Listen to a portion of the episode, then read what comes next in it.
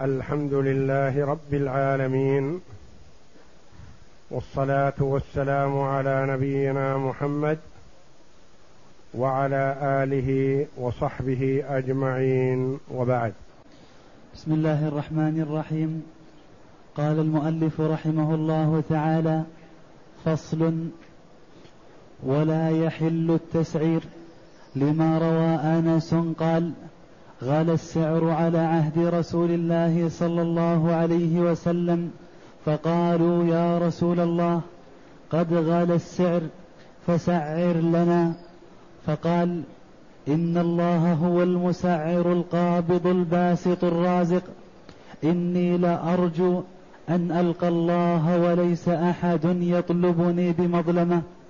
قال الترمذي هذا حديث صحيح.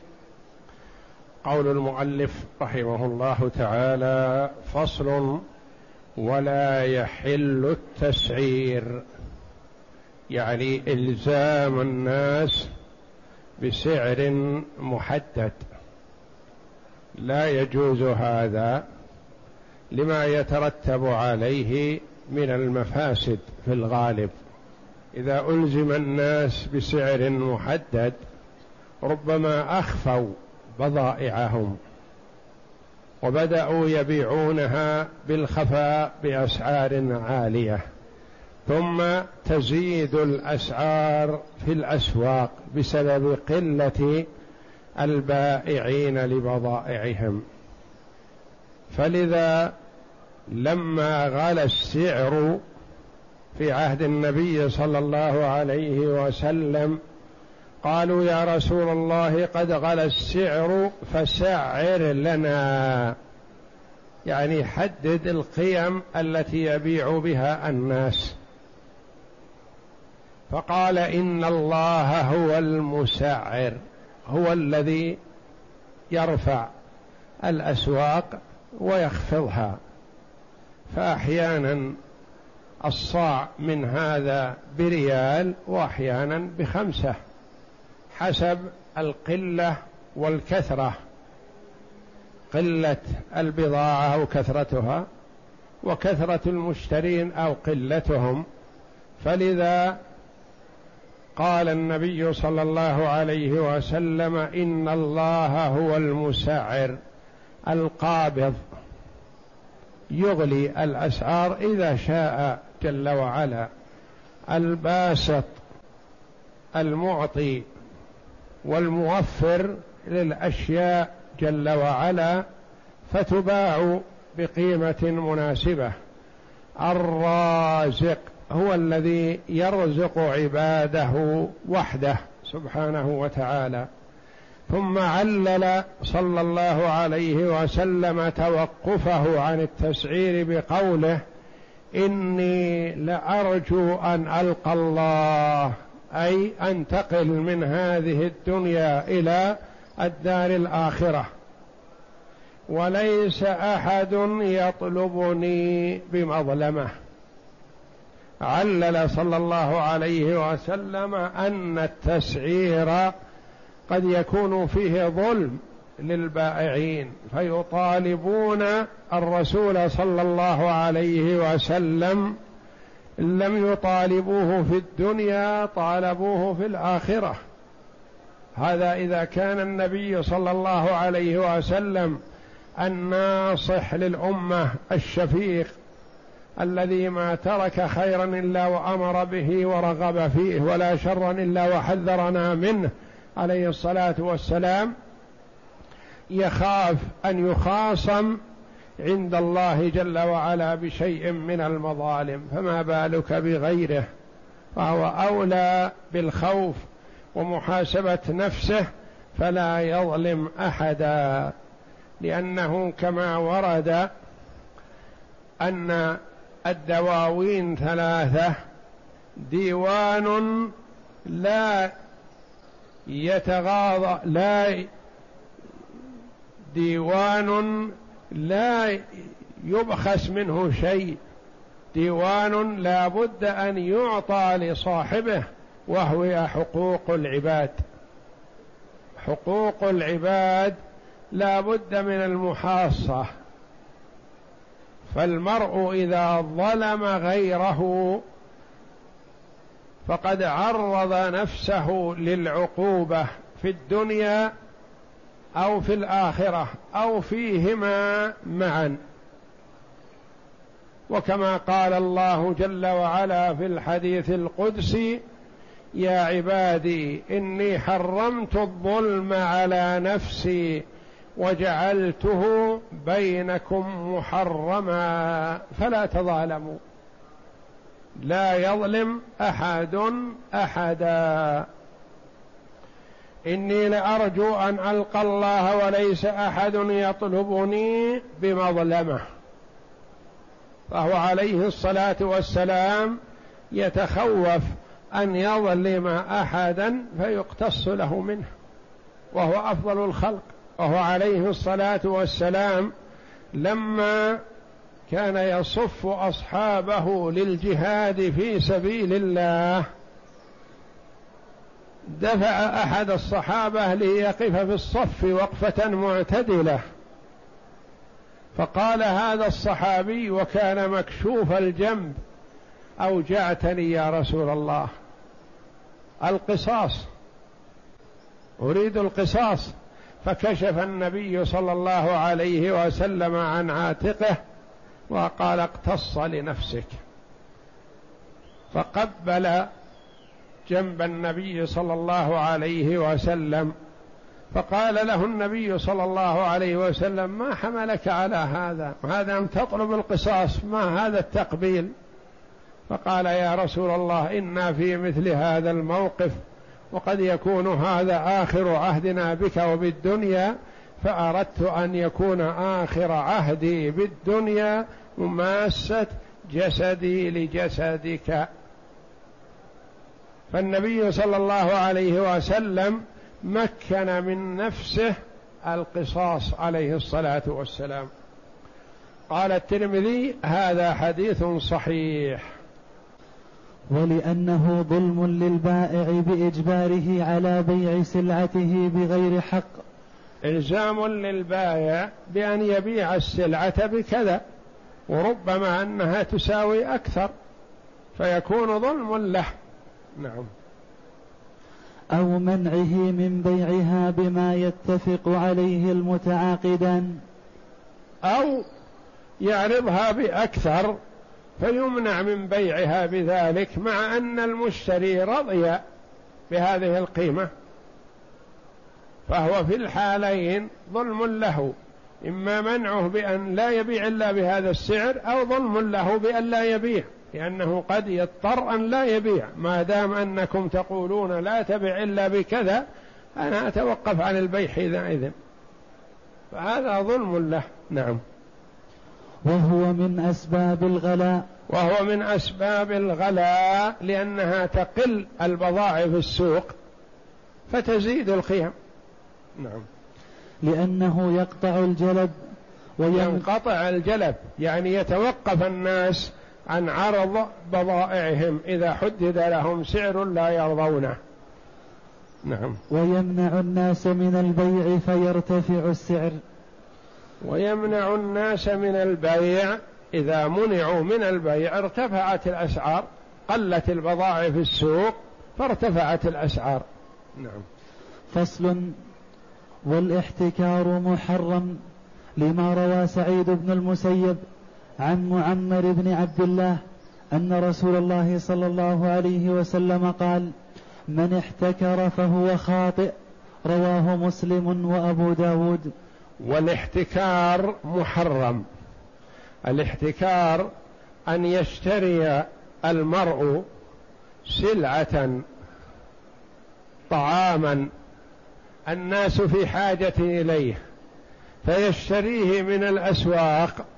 ويدخره من أجل إذا قل وغلى غلى السعر أخرجه وهو يحرم إذا اجتمع فيه أربعة أوصاف كما سيأتي. وإلا فأحيانا يكون حفظ البضائع فيه مصلحة للناس وأحيانا يكون فيه مضرة. فإذا اجتمعت الأوصاف الأربعة فهو محرم وإذا لم تجتمع فهو مباح. نعم.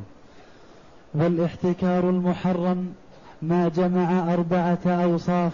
هذا هو المحرم إذا اجتمعت أربعة أوصاف انتبه لها. نعم. أن يشتري قوتا أن يشتري قوت أن يكون اشتراه من السوق. وهذا المشترى قوت. يعني مما يقتاته الناس كالبر والشعير والذرة والأرز ونحوها والتمر ونحوها من الأشياء التي الناس في حاجة إليها قوت.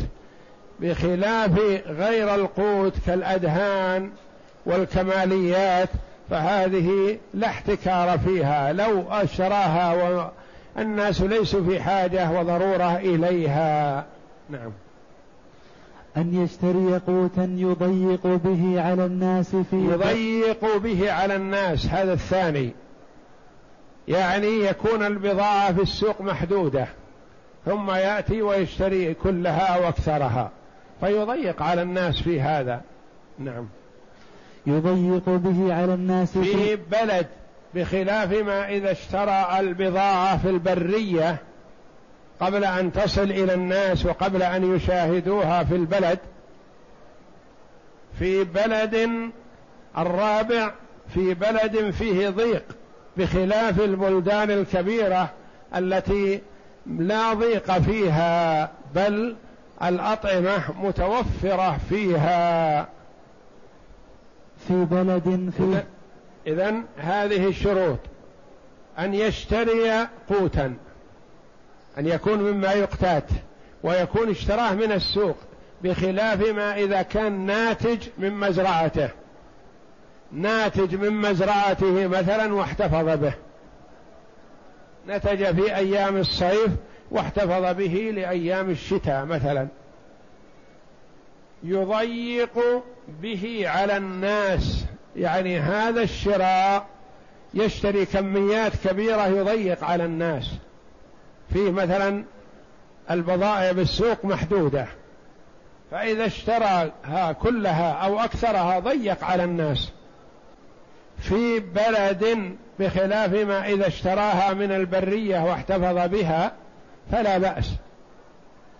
في بلد فيه ضيق يؤثر عليه هذا. أما بعض البلدان الكبيرة مثلا مهما اشترى من السوق لا يضيق على الناس لأن البضاعة الموجودة بكثرة. وعمر رضي الله عنه رأى طعاما في السوق فقال ما هذا؟ قالوا هذا طعام جلب علينا. فقال بارك الله فيه وفي جانبه. قالوا واحتكر. قال من احتكره قالوا مولى عثمان ومولاك. فدعاهما فقال ما حملكما على الاحتكار؟ قالوا يا أمير المؤمنين نشتري بأموالنا ونبيع. فقال سمعت رسول الله صلى الله عليه وسلم من احتكر فلن يموت حتى يصاب بالجذام أو الفقر أو كما قال رضي الله عنه. يقول الراوي أما را أما مولى عثمان فقد توقف وأظهر ما عنده وباعه. وأما مولى عمر فامتنع. يقول فرأيته مجذوما. أصيب بالجذام نسأل الله العافية. في بلد فيه ضيق فأما الجالب فليس بمحتكر لقول نعم, نعم لقوله. لقول رسول الله صلى الله عليه وسلم الجالب مرزوق والمحتكر ملعون. الجالب ليس بمحتكر يعني يشتري البضاعة ويعرضها. جاءت بضاعة إلى السوق فاشتراها بماله وأدخلها في محلاته وبدأ يبيع على الناس. هذا البيع والشراء هكذا. يشتري الكمية الكبيرة ثم يبدأ يبيع فيها شيئا فشيئا. هذا ليس بمحتكر حتى لو اشترى الموجود في السوق لأنه اشتراه وعرضه.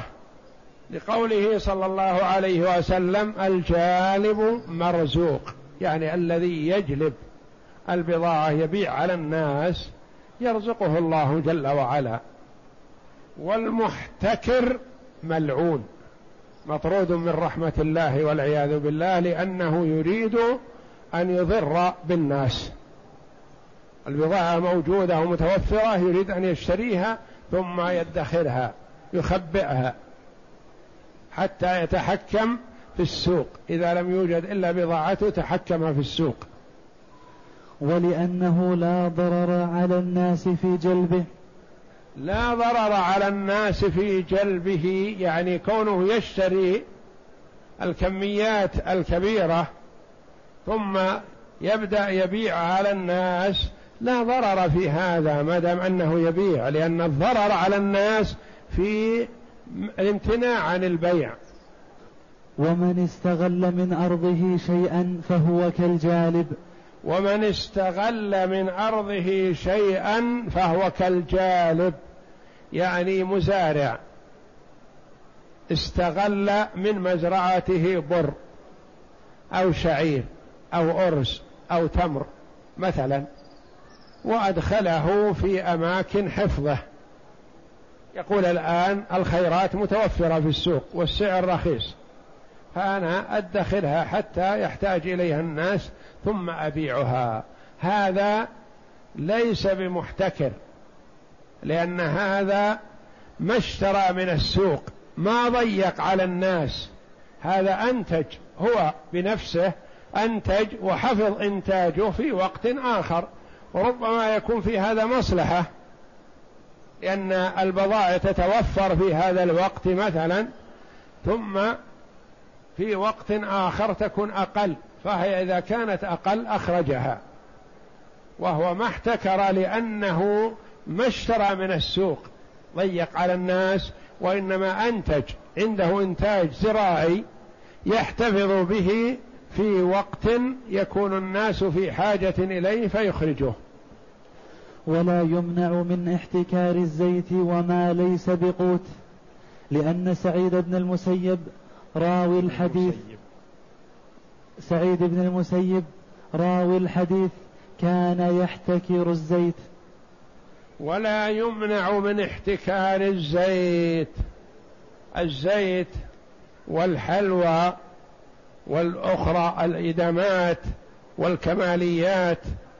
هذه لا يعتبر حفظها واحتكارها ممقوت لأن الناس ليسوا في حاجة إليها ليسوا مضطرين إليها ضرورة إنما الضرورة في الغذاء في القوت التمر والبر والشعير والأرز وسائر الأقوات التي تتخذ قوتا والناس في حاجة إليها بخلاف الكماليات فالناس يعيشون بدونها غلت أو رخصت. لا إذا غلت يشتريها القوي وإذا رخصت اشتراها أكثر الناس.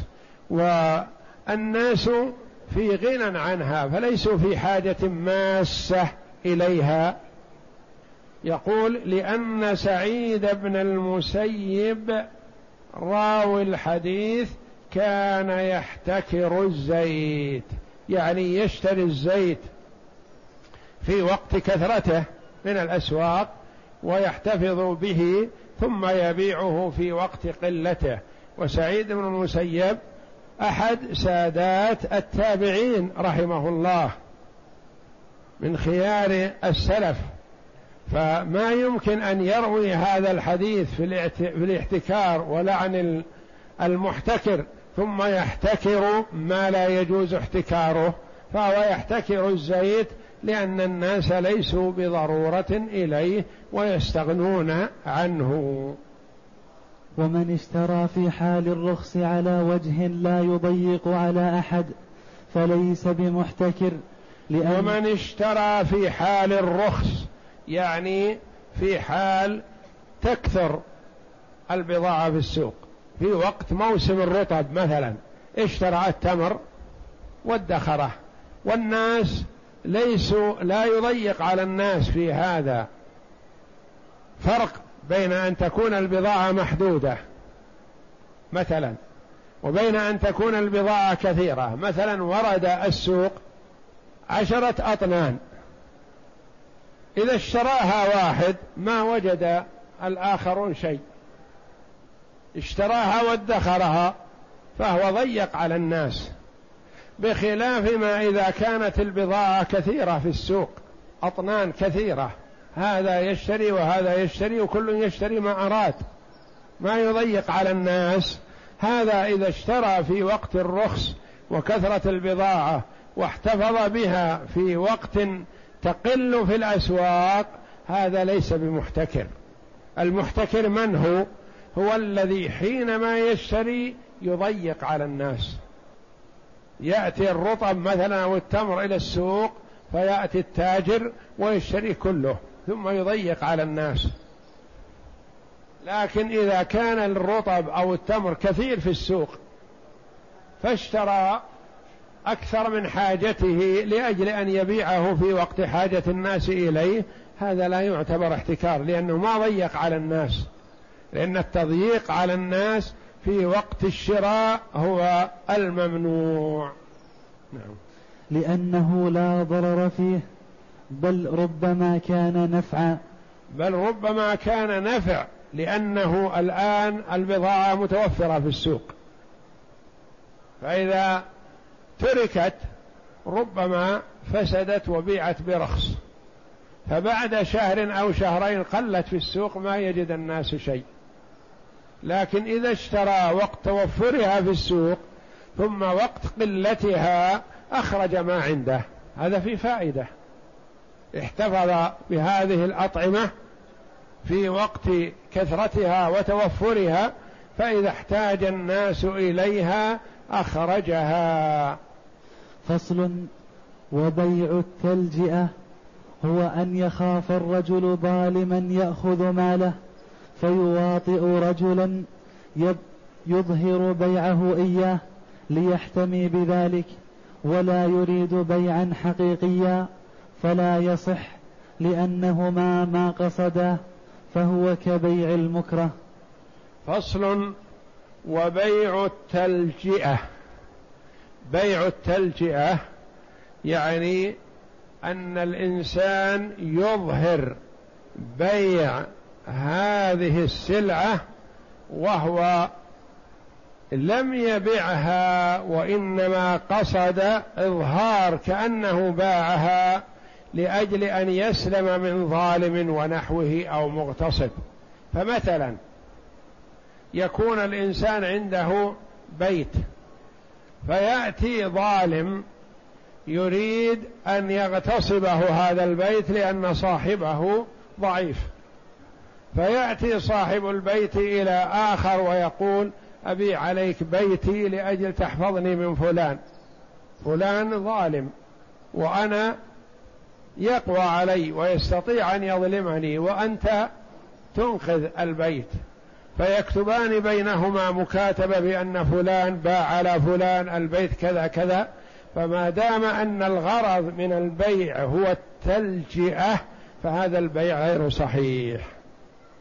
ولا يجوز لمن بيع عليه بهذه الصفة أن يتملكه. أو يقول أنا اشتريته منك ما دام أنه عرف انه باعه تلجئة فلا يعتبر هذا البيع صحيح ولا تنتقل ملكية السلعة إلى غيره. بوقت يكون فيه ظلامة. فيه معتد ظالم مثلا. إذا وجد ما يناسبه كان في يد ضعيف أخذه بالقوة. فيظهر هذا الضعيف أنه باعه ويكتبان بينهما مبايعة ويشهدان على ذلك والغرض من هذا التلجئة هذا البيع غير صحيح فلا يجوز لمن كتب له البيع بهذه الصفة أن يتملك هذا الشيء لأنه قال كبيع المكره. والإكراه نوعان.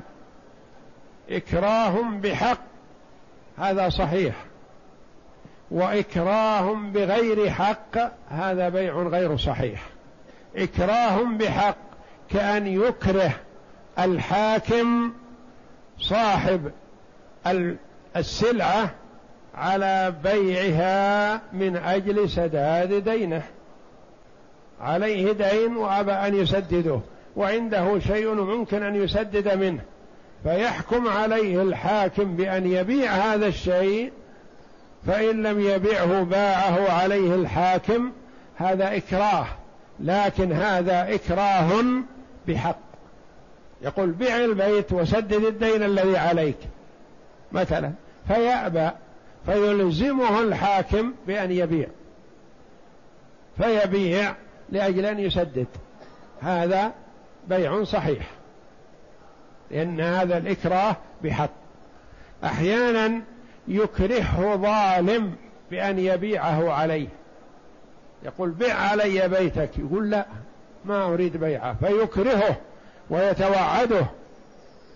وإلا يبيع عليه هذا البيت. فاضطر مكرها على بيعه. فما حكم هذا البيع؟ هذا غير صحيح لأنه إكراه بغير حق. باب الخيار في البيع. باب الخيار في البيع. البيع فيه خيار والخيارات متنوعة. خيار المجلس وخيار الشرط وخيارات أخر ستأتي تعرف بالاستقراء إن شاء الله. خيار المجلس وما دل عليه قوله صلى الله عليه وسلم البيعان بالخيار ما لم يتفرقا فإن صدقا وبينا بورك لهما في بيعهما وإن كذبا وكتما محقت بركة بيعهما. البيعان بالخيار ما لم يتفرقا. اشترى هذا من هذا هذه السلعة بألف ريال ونقده الألف واستلم هو السلعة وبقيا معا. كل واحد منهما بالخيار. حتى وإن تم البيع وإن قبض الثمن وقبضت السلعة فما داما في المجلس فهما بالخيار. فإذا تفرقا واعتبر تفرق بالعرف حينئذ لزم البيع ما لم يكن هناك شرط. نعم. وهو على ضربين أحدهما خيار المجلس فلكل واحد من المتبايعين الخيار في فسخ البيع ما لم يتفرقا بأبدانهما. لقول النبي صلى الله عليه وسلم البيعان بالخيار ما لم يتفرقا متفق عليه. والتفرق أن يمشي أحدهما عن صاحبه بحيث إذا كلمه إذا كلمه الكلام المعتاد في المجلس لا يسمعه. لأن ابن والتفرق ما هو لازم يختفي كل واحد عن الثاني لا. يمشيان معا أو يجلسان معا مثلا فتبايعا وهما واقفان أو وهما جالسان أو وهما يمشيان مثلا. فأراد أحدهما أن يتمم البيع كما كان يروى عن ابن عمر رضي الله عنه يقوم من صاحبه ويبتعد عنه عشرين مترا أو ثلاثين مترا ثم يعود إليه ولو أنه يراه. وجعل المقياس بحيث إذا كلمه الكلام المعتاد في المجلس لا يسمعه. هذا القياس هذا بهذا المقدار. يعني هما جالسان يتحدثان. كلام عادي بينهم. إذا قام مثلا عند هذا العمود أو هذا العمود يسمع الكلام. ما يعتبر هذا تفرق. بينهما. هذا يعتبر تفرق. لأن ابن عمر كان إذا بايع رجلا فأراد ألا ألا يقيله مشى هنية. ثم رجع وهو عمر رضي الله عنهما كان إذا بايع رجلا وأراد أن يلزم الرجل بالبيع يتم لا يكون في خيار حينئذ قام ومشى قليل ثم رجع. وهو, وهو راوي الحديث. ابن عمر راوي هذا الحديث البيعان بالخيار ما لم يتفرقا. نعم. وأعلم بمعناه ولأن الشرع أعلم بمعنى الحديث لأنه يطبقه رضي الله عنه. ولأن الشرع ورد بالتفرق مطلقا. ما لم يتفرقا الشرع السنة الحديث ورد ما لم يتفرقا من يعرف التفرق هذا؟ من خطب به. خطب به الصحابة رضي الله عنهم فهم يعرفونه. نعم. فوجب أن يحمل على التفرق المعهود وهو يحصل بما ذكرنا. يعني إذا ابتعد عنه ثم عاد حصل التفرق. نعم. فإن لم يتفرقا بل بني بينهم بل بني بينهما حاجز أو أرخي بينهما ستر أو, أو أرخي بينهما ستر أو نحوه أو ناما أو قاما عن مجلسهما فمشيا معا فهما على خيارهما لأنهما لم يتفرقا. فإن لم يتفرقا لكن بني بينهما حاجز. هذا في مكانه وهذا في مكانه وهما يتبايعان. فجاء النجار وبنى حاجز من خشب بين الاثنين. أو كان هذا في غرفة وهذا في غرفة وهما حول الباب فجاء وأقفل الباب مثلا أو أرخى ستر بحيث أصبح هذا لا يرى هذا وهذا لا يرى هذا. هذا ما يعتبر تفرق يعني كل واحد في مكانه. إنما التفرق بأن يقوم أحدهما عن صاحبه أو ناما النوم ما يعتبر تفرق تبايعا وهما في مجلس واحد فناما من أول الليل إلى الصباح ثم قاما وصليا معا ثم عادا وجلسا في مكانهما لا يزال خيار المجلس معهم. ما دام لم يتفرقا بأبدانهما فالخيار لهما. نعم. وإن فر أحدهما من صاحبه بطل خيارهما لأن ابن عمر كان يفارق صاحبه بغير أمره. فإن فر يعني ما يحتاج أن يستأذن ويقول تراي أريد أن أقوم إذا كان لك رغبة في إبطال البيع. قلها الآن لا. حتى لو حاول الاختفاء منه ثم سحب نفسه ليلزم صاحبه بالبيع صح لأنه لا يلزم أن يستأذنه. ولأن الرضا في الفرقة غير معتبر كما لا يعتبر الرضا في الفسخ. كان ابن عمر يفارق صاحبه بغير أمره يعني بعدما يتم البيع بينهم يقوم. فإذا عاد قام وابتعد لزم البيع. وإن أكره على التفرق ففيه وجهان أحدهما يبطل الخيار لأنه لا يعتبر الرضا من أحد الجانبين ولأن الرضا في الفرقة غير معتبر. هو الرضا في البيع معتبر. ما أحد يلزم الآخر في البيع. لكن ما يلزم أن يقول له سنتفرق سأقوم. لا. ما دام تم البيع فهما على خيارهما ما داما معا فإذا تفرقا لزم البيع ولا يلزم أن يستأذن أحدهما الآخر. ولأن الرضا في الفرقة غير معتبر كما لا يعتبر الرضا في الفسخ. لو أن الآخر بعد ما تبايع ونقد القيمة واستلم المشتري المبيع مثلا ثم أراد أحدهما أن يفسخ فلا يعتبر رضاء الآخر. ما دام في المجلس فله أن يفسخ وإن لم يرضى صاحبه لأن هذا الخيار جعله له الشارع. نعم. وإن أكره. وإن أكره على التفرق ففيه وجهان أحدهما يبطل الخيار لأنه لا يعتبر الرضا من أحد الجانبين فكذلك منهما. وإن أكره على التفرق يعني كانا معا ثم جاء شخص شاهرا لسيفه. يريدهما. ففر واحد ذهب يمين والآخر ذهب يسار. هذا إكراه على التفرق. ليس بخيارهما. ففيه وجهان. أحدهما أنه يبطل الخيار ينتهي الخيار لأنهما تفرقا.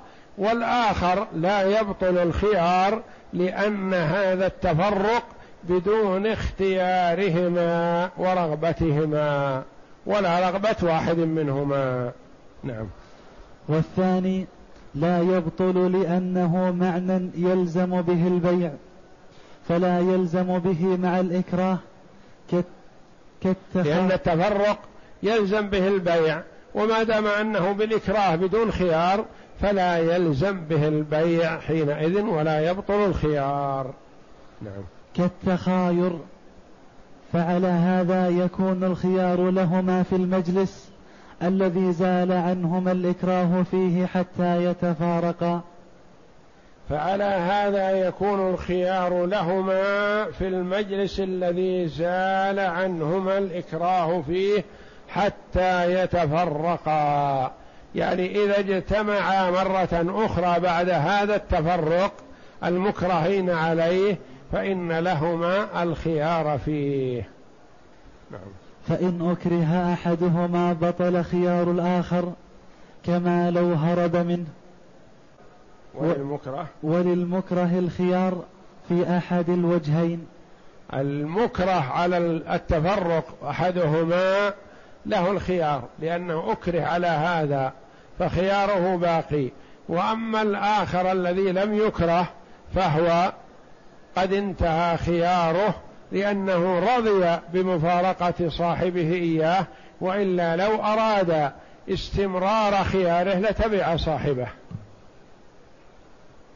والله أعلم وصلى الله وسلم وبارك على عبده ورسول نبينا محمد.